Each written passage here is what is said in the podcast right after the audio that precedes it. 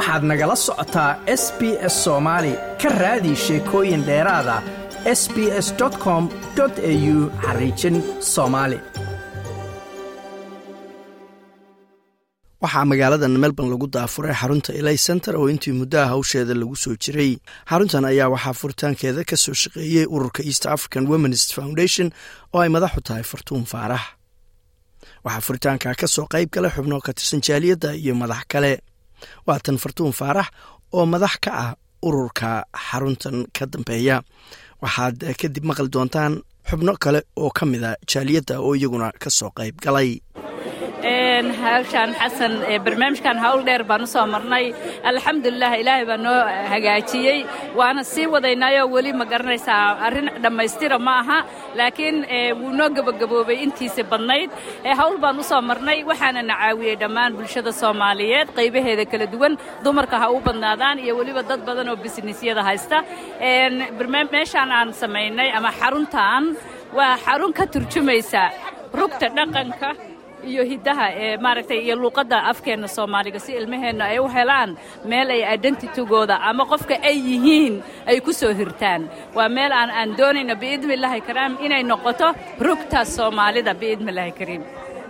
Muhiimadda maanta inaad marka ugu horraysa furteen dad badan isugu yimaadeen madax ka soo qayb gashay maxay kuu taadig aad baan ugu faraxsanahay maanta inay bulshada soomaaliyeed si caadi aan ahayn maaragtay ama tiradoodu badan tahay uga soo qayb gasho. Meesha waa dahafurkii maanta ama waxaa weeye furitaankii xarunta. Furitaanka xaruntana maasha allahu dad badan baa maanta isugu imaaday. Dhinacyada bulshada qaybaheeda kala duwan dumarkii carruurtii odayaashii maaragtay culimo udiinkii dadkii maaragtay magaalada u ahaa ama soomaalida haldoorka u ahaayoo dhan baa ka soo qayb galay. Farxad bayna ii tahay inay ila arkaan hawsha aan qabtay labadii sane la soo dhaafay bismillahi raxmaan raxiim yaasiin maxamed taarix weeye? Waa mahadsan tahay laanta muxua s b s af soomaaliga xasan jaamac. Maanta waxaan ka soo qayb galnay xafladdan munaasabadda oo lagu fureeyey xarunta elays heritage center oo soo diyaariyey ururka east african community foundation oo ay madax ka tahay furtuun faarax xaajir. Ururkaanoo muddo badan hawshaan ka shaqaynayey oo soomaali kitchen xarun meel aroosada lagu sameeya xarunta hidihii dhaqanka. Waxay noqon doontaa xarun intaha dhaqanka oo galbeedka magaalada melbourne waa hawl aad iyo aad community ugu baahan tahay. Waxaan kaloo nagala soo qayb gashay bar finland ka timo buug ilays la yidhaahdo qoray ilaahay amarkii xarunta magaceeda iyo buugga oo ilaahay isku aadiyey. Laba magacoon is ogeyn oo isku beegma ayay noqdeen.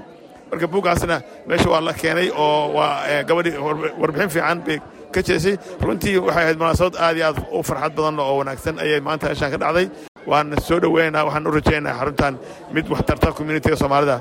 Dhismihiisa iyo carruurtiisa iyo mustaqbalkiisa inay noqoto insha allah maasha allah magacayga maxaa labaalka waa liibaan maanta waxaan ka soo qayb galnay furitaankii ama shaaca laga furay barnaamijkii eliyas runtii waa center oo loo baahnaa oo communitigan aysan haysan. Waxay isoo xasuusisaa american museum oo kale ama somaali museum oo ku yaal minneabolis waa meel hiddaha iyo dhaqanka luuqaddeenna dhaqankeenna aan ku asturi karno. Marka waxaan leeyahay fartuun iyo tiimkeedaba maasha allah aad baan u soo waana center baalka loo baahnaa oo baraarujina sida future generationka hiddaheenna iyo dhaqankeenna iyo languagekeennaba aan maarkinoo aan u barotagto garayno marka waxaan leenahay fartuunay waa mahadsan tahay shaqo fiicanna waa qabatay garabkiin magacaygu waa siciido barnaamijkan muddo badan baan ka soo shaqaynayna ilays. Maasha allah maantana furiddi waaye waa lagu guulaystay dhallinyarada haweenka. Waxa dhan buu muhiimad u leeyahay.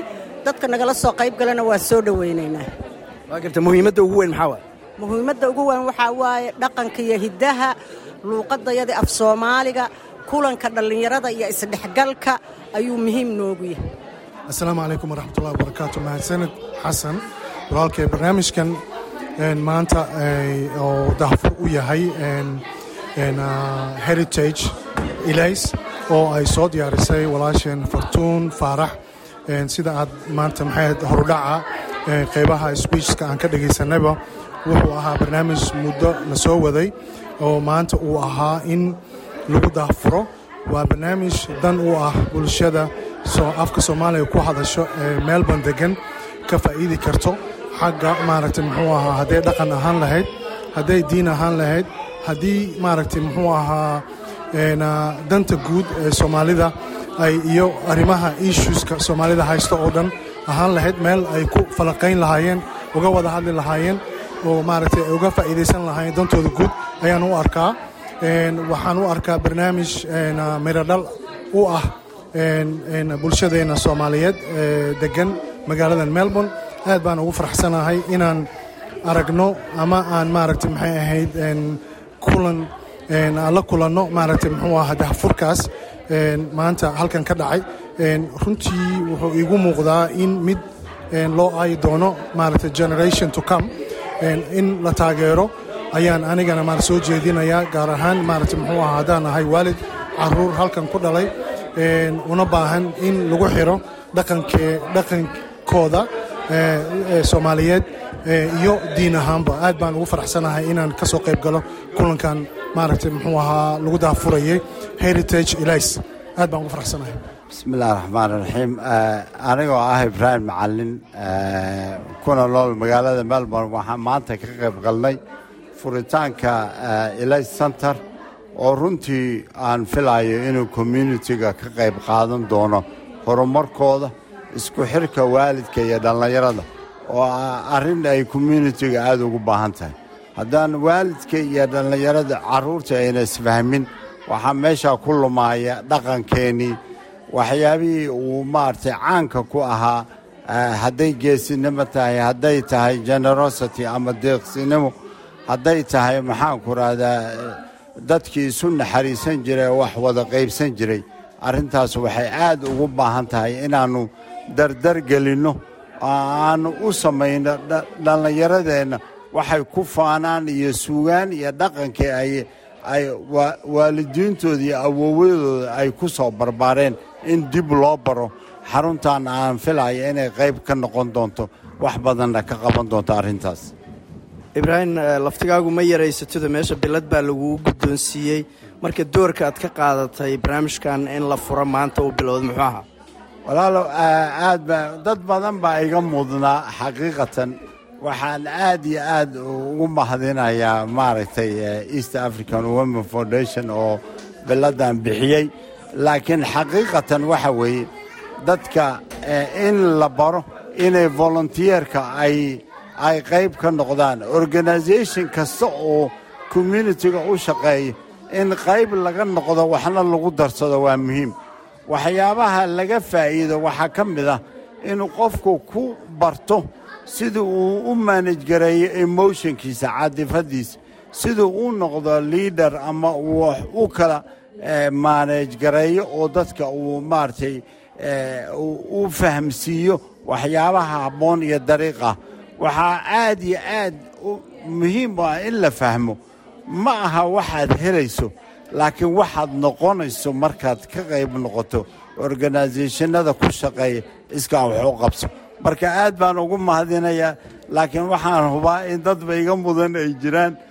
Waxaana leeyahay dadka ayaga fadlan ha caajisina xasanaadkiinna iyo ajirkiinnu ilaahay baa idiin aqoonsan. Qofku wakhtigiisuu uu bixin karaa lacagtiisuu bixin karaa caqligiisuu bixin karaa. Marka qof kasta oo soomaaliya waxaan dhihi lahaa inuu arrintaa ka qayb qaato wixii uu maaragtay qayb ka noqonayana waxa gooni ah oo maaragtay qayb buu ka noqon karaa. Hadduu lacag tahay hadday wakhti tahay hadday caqli cilmi tahay intaba like aas la wadaag wax ka dheh lana soco barta facebooka ee sb s soomaali